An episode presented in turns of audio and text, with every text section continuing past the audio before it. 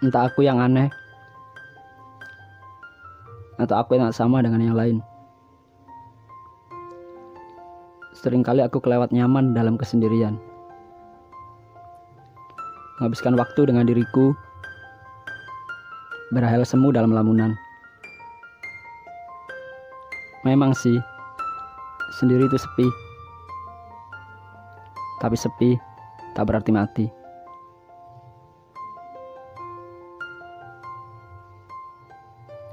Terdengar lirih dari orang yang nyaman dengan sepi. Termasuk aku. Yang lebih memilih di rumah saja daripada keluar tanpa arah. Tanpa tujuan yang jelas. Bentang lantung seperti layang lepas. Kadang suka bingung sama reaksi orang-orang yang merasa kasihan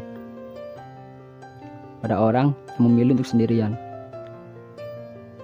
Berjalan sendirian, membunuh waktu tanpa teman. Padahal pada kenyataannya kebersamaan belum tentu nyaman, penuh basa-basi dan kepalsuan. Seperti halnya para manusia yang bersuah, membahas yang tak pernah hadir di kerumunannya. Setiap orang memiliki alasannya masing-masing. Mengapa mereka lebih memilih sepi sebagai temannya? Mulai dari yang gagal dalam urusan cinta, pertemanan yang kian pecah, atau masalah-masalah kecil yang semakin rumit untuk dirasa. Orang yang memilih sendiri bukan tak ingin ditemani. Hanya saja mereka masih menutup hati, menunggu sebuah kesetiaan yang sejati. Sudah lelah dengan pengkhianatan yang ujung-ujungnya merujuk pada keputusasaan. Dari sudut pandang mana pun, manusia saling membutuhkan, saling ingin diperhatikan diingatkan ketika lupa, diperingatkan ketika salah. Memilih sendiri dalam kesepian itu bukanlah kebodohan, tapi sikap menentukan pilihan. Pilihan yang tepat untuk beristirahat dari dunia yang kadang berkhianat.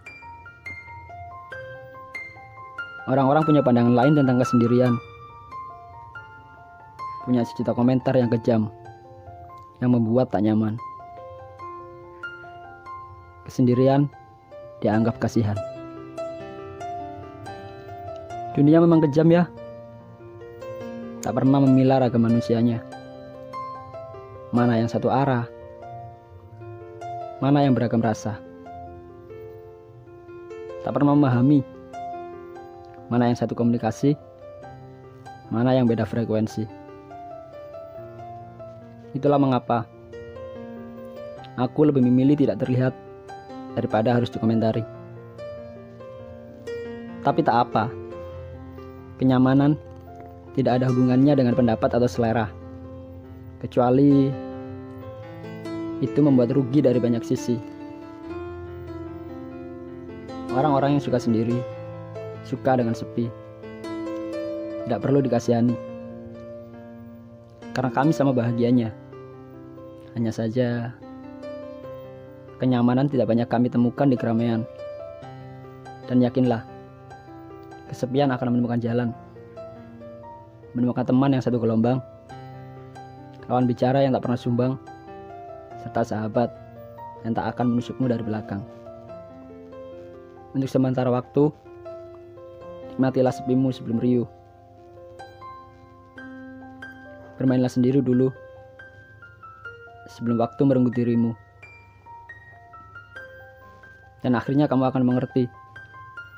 Satu lagi definisi sepi yang menenteramkan hati. Karena sepi bukan berarti mati.